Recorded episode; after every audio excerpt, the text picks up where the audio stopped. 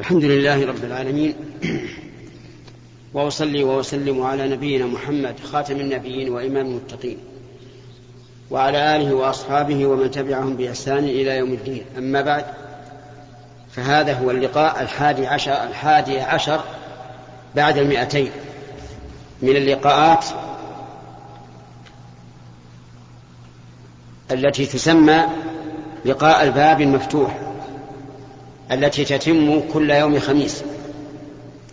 وهذا الخميس هو الثامن عشر والسابع. السابع عشر من شهر ربيع الأول عام تسعة عام عشرين وأربعمائة وألف. نبتدئ هذا اللقاء بما اعتدنا أن نبدأ به وهو التفسير. أن نفسر ما ييسره الله عز وجل. لأن علم التفسير أشرف العلوم لأنه يتعلق بأعظم الكتاب وهو القرآن الكريم والعلم يشرف بشرف المعلوم. وكان الصحابة رضي الله عنهم لا يتجاوزون عشر آيات حتى يتعلموها وما فيها من العلم والعمل. قالوا فتعلمنا العلم فتعلمنا القرآن والعلم والعمل جميعا. فينبغي لطالب العلم أن يعتني بالتفسير ويفهم كتاب الله عز وجل ليعمل به لأنه لا يمكن العمل إلا بعد معرفة المعنى. والعمل بالقرآن واجب فيجب علينا فيجب علينا أن نعرف معناه فوصيتي لطلاب العلم أن يعتنوا بتفسير كتاب الله عز وجل. عناية تامة. وإذا أمكن أن يحفظوه فهو أكمل وأفضل. آخر آية قرأناها. هي قول الله تبارك وتعالى له ملك السماوات والأرض في سورة الحديد. له أي لله تعالى وحده. ملك السماوات والأرض. خلقا وتدبيرا. فلا يملك السماوات والأرض أحد إلا الله عز وجل. لا استقلالا ولا مشاركة. قال الله تعالى قل ادعوا الذين زعمتم من دون الله لا يملكون مثقال ذرة في السماوات ولا في الأرض مثقال ذرة في السماوات ولا في الأرض. وما لهم فيهما من شرك. فنفى الاستقلال ونفى المشاركة. وما له أي ما لله منهم من ظهير أي من مساعد ساعده على خلق السماوات والأرض. فله ملك السماوات والأرض. كم عدد السماوات الأخ؟ سبع؟ لا. السماوات أكبر من الأرض. أفلا يكون عدده عشر؟ ما تدري. كم عدد السماوات؟ يلا صبي. كم عدد السماوات؟ الظاهر لا, لا ما أظن أن أن يبقى أحد يشهدها.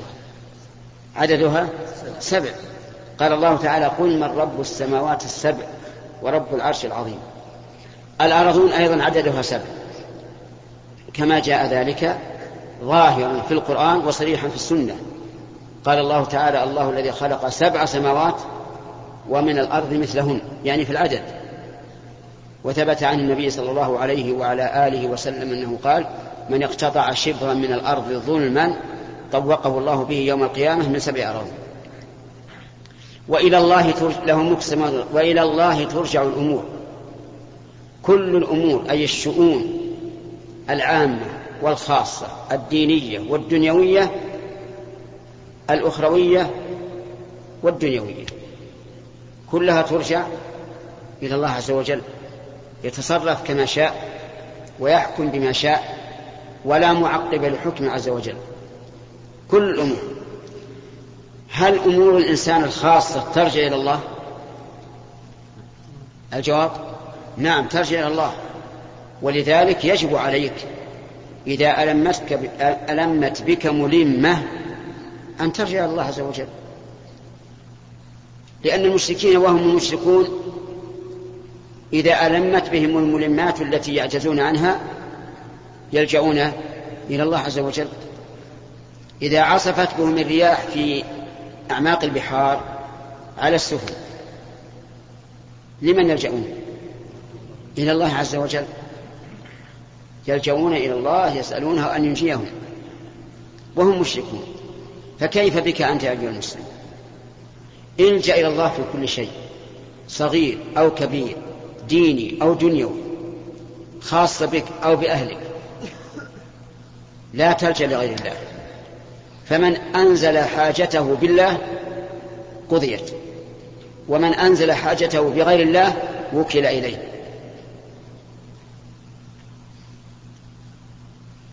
إذا نقول إلى الله ترجع الأمور. أي الأمور؟ قولوا يا جماعة. كل الأمور الأمور عامة. الأمور الدينية والدنيوية والأخروية والدنيوية والخاصة والعامة. وإذا آمنت بهذا ويجب أن تؤمن به صرت لا تلجأ إلا إلى الله عز وجل. يولج الليل في النهار ويولج النهار في الليل.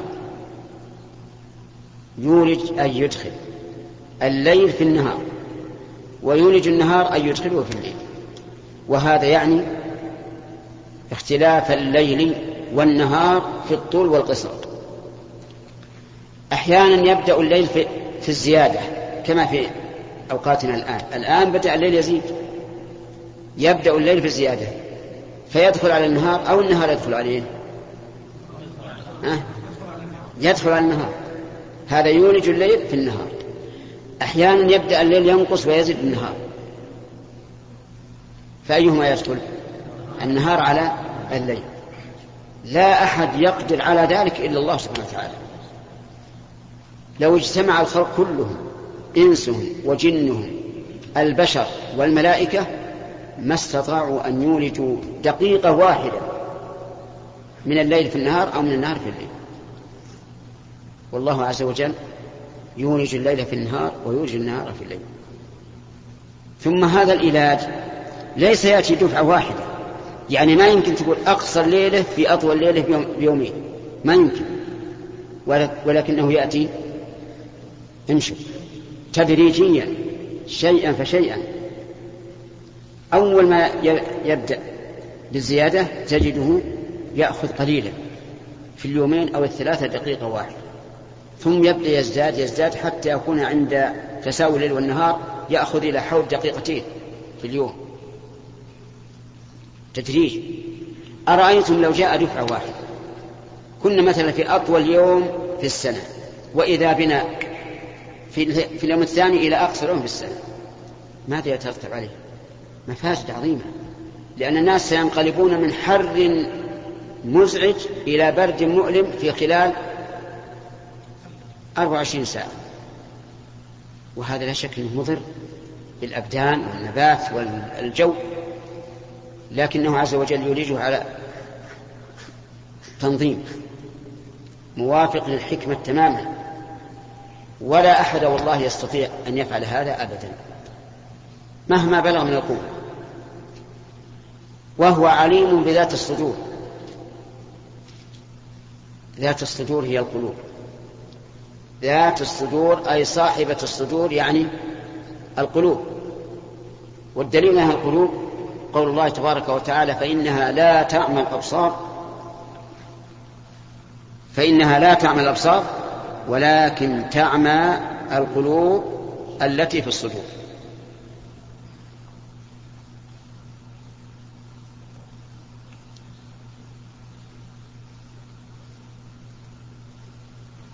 ولكن تعمى القلوب التي في الصدور. إذا هو عليم بما في القلب. هل تصدق بذلك؟ نعم. تصدق. لأن الخبر خبر من؟ خبر الله تعالى ومن أصدق من الله قيلا. إذا كنت تصدق بذلك فهل يمكن أن تضمر في قلبك ما لا يرضاه الله؟ نعم. إن كنت مؤمنا لا يمكن. طهر قلبك من الرياء والنفاق والغل على المسلمين والحقد والبغضاء. طهره لأن قلبك معلوم عند الله عز وجل. اللهم طهر قلوبنا اللهم طهر قلوبنا اللهم طهر قلوبنا. طهر القلب من هذا. املأه محبة لله وتعظيما ومحبة للرسول صلى الله عليه وسلم وتعظيما كما يليق به. ومحبة للمؤمنين ومحبة لشريعة الله وإن كرهتها قال الله عز وجل للصحابة كتب عليكم القتال وهو كره لكم وعسى أن تكرهوا شيئا وهو خير لكم وعسى أن تحبوا شيئا وهو شر لكم والله يعلم وأنتم لا تعلمون. لا تؤمن في هذا القلب المضغة شيئا يكرهه الله. إن فعلت فالله عليم به. لا يخفى عليه فطهر قلبك حتى يكون نقيا سليما لأنه لا ينفع يوم القيامة إلا من أتى الله بقلب سليم. كما قال عز وجل يوم لا ينفع مال ولا بنون إلا من من أتى الله بقلب سليم. وتغيرات القلب تغيرات سريعة وعجيبة. ربما ينتقل من كفر إلى إيمان أو من إيمان إلى كفر في لحظة. نسأل الله الثبات. تغير القلب يكون على حسب ما يحيط بالإنسان. وأكثر ما يوجب تغير القلب إلى فساد حب الدنيا. حب الدنيا هذا آفة. والعجب أننا متعلقون بها. ونحن نعلم أنها متاع الغرور وأن الإنسان إذا سر يوما أسيء يوما آخر. كما قال الشاعر ويوم علينا ويوم لنا ويوم النساء ويوم النساء كل لذة في الدنيا فهي محوطة بمنغص. لذلك احرص على تطهير القلب من التعلق بالدنيا إلا فيما ينفعك في الآخرة. كأن تتعلق بالدنيا لتصبح غنيا تنفق مالك في سبيل الله وفيما يرضي الله عز وجل فهذا شيء آخر. طلب المال للأعمال الصالحة خير لكن طلب المال لمزاحمة أهل الدنيا في دنياهم هذا شر. ويأتي إن شاء الله ما يبقى في المستقبل حتى نتفرغ للأسئلة ولكل واحد سؤال والأسئلة نخص بها إخواننا الضيوف. أنت منهم؟ تفضل. بسم الله الرحمن الرحيم. فضيلة الشيخ أجزل الله مثوبته وأقال عثرته ورفع درجته في الدارين. ومن قال ومن سمع. آمين يا كريم. البعض من الإخوة يرى أن وجود قناة شرعية تزاحم تلك القنوات الهابطة التي التي تبث عن طريق الدش تسوغ اقتناءه. أرجو بيان ما يراه فضيلة الشيخ تجاه ذلك. الذي أرى أن أن يوجد قناة إسلامية. قناة إسلامية يتكلم بها علماء راسخون في العلم أهل عقيدة سليمة ويبينون الحق دون مهاترات أو منازعات أو سب للآخرين فهذه إذا وجدت نفع الله بها. وأرجو الله عز وجل أن يحقق هذا لأن بقاء الناس لا يشاهدون إلا ما ينشر في هذه الفضائيات المدمرة ضرر عظيم. لكن إذا وجدت قناة إسلامية يتكلم فيها علماء راسخون في العلم أقوياء في بيان الحق فلكل سلعة مشتري لكل سلعة مشتري. أهل الباطل يروحون الباطل وأهل الخير يذهبون إلى الخير. وإذا كانت القناة الإسلامية هذه مشيقة في العرض في طرح المسائل في الإجابة عن الإشكالات سوف ينصرف إليها أناس كثيرون حتى من ممن لا يريدون هذا. فأسأل الله أن يحقق هذا عن قريب حتى يشتغل الناس به عن مشاهدة القنوات الفضائية الفاسدة المفسدة. شيخ يخشى أن تكون هذه مسوة لمن لم لمن لم يحصل على الدش يشتري الدش بحجة نعم. النظر إلى هذه يشتري الدش بهذه الحجة. أليس الآن عندنا إذاعة القرآن كلها سليمة؟ وأناس عندهم رواج ما ما يستمعون إلا إلى إذاعة القرآن. وما دام عندنا مصلحة محققة فالأوهام هذه مطرحة. لا عبرة بها. كما يخفى يا شيخ انتهى انتهى. ما في مناقشة. نعم اللي بعده فضيلة الشيخ حفظكم الله بعض الشباب هدانا الله وإياهم يتهاونون في الصلاة تهاونا عظيما لدرجة تصل إلى تركها بالكلية. وهؤلاء الشباب قد يكونون أقارب لنا مثل الإخوان وغير ذلك وبعضهم أصدقاء. فكيف التعامل معهم في نظركم؟ هل نقاطعهم المقاطعة الشرعية أم ماذا؟ جزاكم الله نعم. لا شك أن التهاون بالصلاة سبب الاشتقاق والبلاء. لأن الصلاة إذا صلحت صلحت الأعمال. وإذا فسدت فسد الأعمال. فهي للأعمال بمنزلة القلب. ولهذا عند الحساب يوم القيامة أول ما ينظر في الصلاة. إن كان قد أضاءها فهو خلاص هو لما سواها أضيع وإن كان قد حافظ عليها ينظر في بقية أعماله. والصلاة عمود الدين.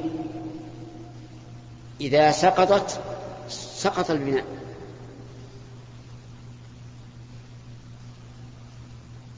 ولقد قال الله تعالى فخلف من بعدهم خلف أضاعوا الصلاة واتبعوا الشهوات فسوف يلقون غيا. إلا إلا من تاب وآمن وعمل صالحا فأولئك يدخلون الجنة ولا يظلمون شيئا. هؤلاء الذين يتهاونون في الصلاة من الآباء والأبناء. والإخوان والأعمام والعمات والخالات وغيرهم من الأقارب أو من الأصحاب أو من الجيران يجب علينا أن ننصحهم ونحذرهم ونبين لهم ونبين لهم ما في الصلاة من الخير والأجر العظيم والآثار الحميدة وما في تركها وإضاعتها من الشر والبلاء. فإن اهتدوا فهذا المطلوب وإن لم يهتدوا نظرنا هل في هجرهم والبعد عنهم. فائدة بحيث يخجلون فيستعتبون. أو هذا لا يزيد الأمر إلا شدة ونفورا. إن كان الثاني فإننا لا نهاجرهم. وإن كان الأول فإننا نهجرهم. يعني إذا كنا إذا هجرناهم خجلوا واستقاموا. فهنا نهجرهم حتى يستقيموا وإن كان الهجر لا يفيد شيئا بل لا يزيد الأمر إلا شدة وبعدا ونفورا منا فلا نهجرهم لأن الهجر دواء. والدواء متى يستعمل؟ يستعمل عند الحاجة وعند ظن النفع.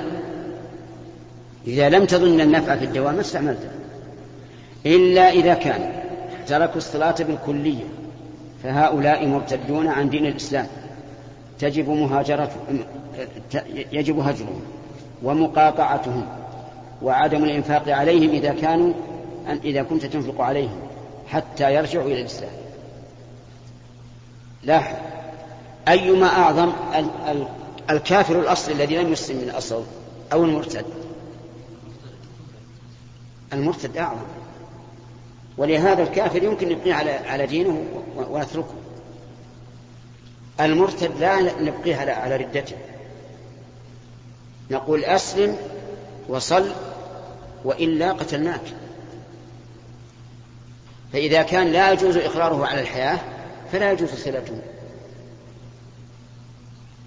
نعم. هذا هذه قبل. هات أنت عندك سؤال؟ ها؟ خذ. آه، يا شيخ عندما يعني أنتهي من الوضوء وأدخل في الصلاة فعند الركوع أو السجود أحس بشيء مثلا قطرة من البول تكرم يعني شيخ تنزل فما العمل؟ وما هو سلس البول نعم. آه يقول إنه إذا توضأ ودخل إلى الصلاة وركع أو سجد أحس بخارج من من من قبله من الذكر. إذا تيقنت مثل الشمس انتقض وضوءك. ووجب عليك الانصراف وغسل ما ما حصل من البول ثم إعادة الوضوء. أما إذا كان يعني غلبة ظن يعني تسعين في المئة أنه حصل هذا لا تلتفت له. ثمانين. أجب. وش نفس الشيء؟ تلتفت له ولا لا؟ ها؟ طيب خمسين. ما يخالف. لا تثبت له. طيب أنا أنا أظن والله أعلم أن الذين يبتلون بهذا يكون عندهم خمسين في المئة. أنه خرج شيء. إذا كان تسعين في المئة أو خمسة وتسعين في المئة لا يؤثر فما دونه؟ من باب أولى. وش الدليل؟ عشان تطمئن. أن النبي صلى الله عليه وسلم شكي إليه أن الرجل يجد الشيء في صلاته ويشك هل أحدث أو لا. فقال لا ينصرف حتى يسمع صوتا أو يجد ريحا. يعني حتى يتيقن تيقنا ليس وهما. فلا تلتفت لهذا. لا تلتفت. أيضا لو كنت خارج الصلاة وأحسست لا تذهب تفتش. لأنك افتح لكن مع الحركة يخرج شيء. مع تحريك الذكر للاطلاع يحصل شيء. ادخل. واضح؟ نسأل الله أن يعافي أخواننا مما ابتلاهم به. نعم. هات هنا. عندك سؤال؟ تفضل. شيخ قضية اللي ها؟ الذين يتركون الصلاة بالكلية. إيه؟ هل تجري لهم الأحكام على المرتدين مثل البغض الولاء والبراء وكذا؟ نعم. مثل هذه الأحكام. أي نعم. الذي يترك الصلاة بالكلية يجب بغضه وكراهته. وإذا مات لا يجوز أن نقول اللهم ارحمه. ولا يجوز أن ندفنه مع المسلمين ولا أن نغسله ولا أن نكفنه نخرج به في سيارة خارج البلد ونحفر له حفرة وهو قبر ونرمسه فيها رمسا بثياب. لأن هذا كافر. وله كافر أصلي الكافر الأصلي له شيء من الحقوق. هذا ما له حق ولا يجوز أن يبقى على الدنيا طرفة عين. أفهمت؟ ولا حرمة له. ويوم القيامة يحشر مع فرعون. وهامان وقارون وأبي بن خلف رؤوس الكفر والعياذ بالله. انتهى السؤال لا ما في سؤال قضية الجمعيات يا شيخ. لا يا أخي ما في جزاك الله خير. إياك والظلم فإن الظلم ظلمات يوم القيامة. اليمين. الحمد لله والصلاة والسلام على رسول الله. فضيلة الشيخ يوجد أحد أقاربي ثبت بالرقية الشرعية والاستقراء المتابعة لحالته أنه مصاب بالمس. وتحدث منه يعني بعض الأفعال والأقوال الكفرية. كالعياذ بالله سب الله وسب رسول الله نسأل الله السلام. آه، وعند مساءلته يعني في حال صحوته ينفي أنه قد عمل هذا ويعلم ذلك. مثل هذا يعني ينفي أنه عمل. ينفي يعني يقول لا لم أعمل ولم أقل هذا. نعم. هل مثل هذا يعني ما يعني العمل تجاهه؟ هل يهجر أم يصبر عليه وفي حال وفاته. يعني مثل الأحكام الشرعية المتوجبة تجاهه. ماذا يعمل؟ شيخ بارك الله فيك هذا لا شيء عليه. لا شيء عليه. ولو ترك الصلاة. لأنه الآن لا يحس أنه ترك. فيعني هذا أن الجن أغموا عليه. وحالوا بينه وبين الإرادة. فتركه لذلك كالمكره تماما. فهو على إيمانه حكما في الدنيا وإن شاء الله في الآخرة كذلك. نعم. بعد حساب. لا هذا هذا من, من هذا البلد. حكم اللي يصلي فترة وينقطع فترة. إيه؟ الذي يصلي فترة وينقطع فترة. على رأي شيخنا ابن باز رحمه الله كافر. لأنه يرى أن من ترك صلاة واحدة حتى خرج وقتها فهو كافر. وعلى ما نرى ليس بكافر لأن الحديث من تركها أي الصلاة. ما قال من ترك صلاة. وما ذهب إليه شيخنا رحمه الله قد ذهب إليه بعض السلف. وقال الأصل أنه إذا ترك صلاة سيترك الباقي. ما ندري ما يصلي. ما الذي أدرانا أنه تركها نهائيا؟ فنحكم بالظاهر ونقول متى ترك صلاة واحدة عمدا بلا عذر حتى خرج وقتها فهو كافر.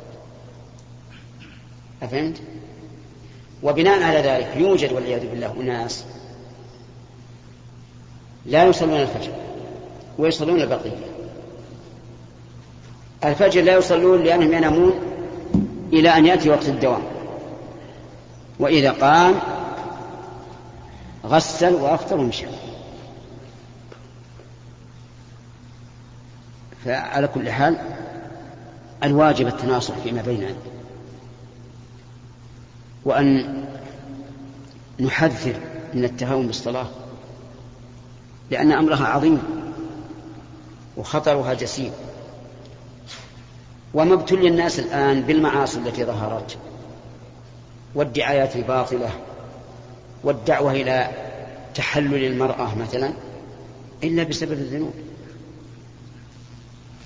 قال الله تعالى فإن تولوا يعني عن الحق فاعلم أن ما يريد الله أن يصيبهم ببعض ذنوبهم بعد على اليمين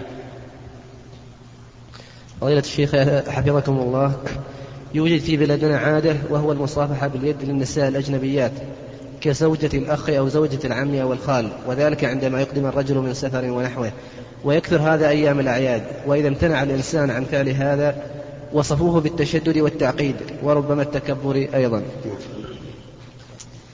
بارك الله فيك. لا يجوز للمرأة أن تصافح إلا زوجها ومحارمها فقط. فلا تصافح أخا زوجها. لأنه ليس محرما ولا ابن خالها ولا ابن عمها. ولا غيرهم ممن ليسوا من محارمها وإذا امتنع الإنسان عن ذلك هل يبين أن هذا حرام؟ ويقول تطيبا لقلوبهم اسألوا العلماء. اسألوا العلماء. فإن أبوا أن يسألوا العلماء ووصفوه بالكبرياء أو ما أشبه ذلك فليصفوه بما شاءوا.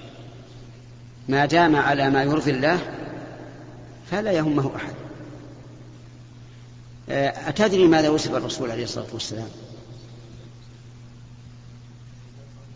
نعم. طيب. الجنون والسحر والشاعر والكاهن كل وصف. والكذاب هل هذا منعه أن يقول الحق؟ أسألك. لا. بل هذا مما يثاب مما يضاعف الثواب به للإنسان. حيث يثاب على ترك المحرم من وجه وعلى ما يصيبه من أذى من وجه آخر. وما أعظم الخطر على أولئك الذين يؤذون المتمسكين بالدين. لأن الله تعالى يقول والذين يؤذون المؤمنين والمؤمنات بغير ما اكتسبوا فقد احتملوا بهتانا وإثما مبينا. من فضلك اقلب الشريط. يقولون ما شاء.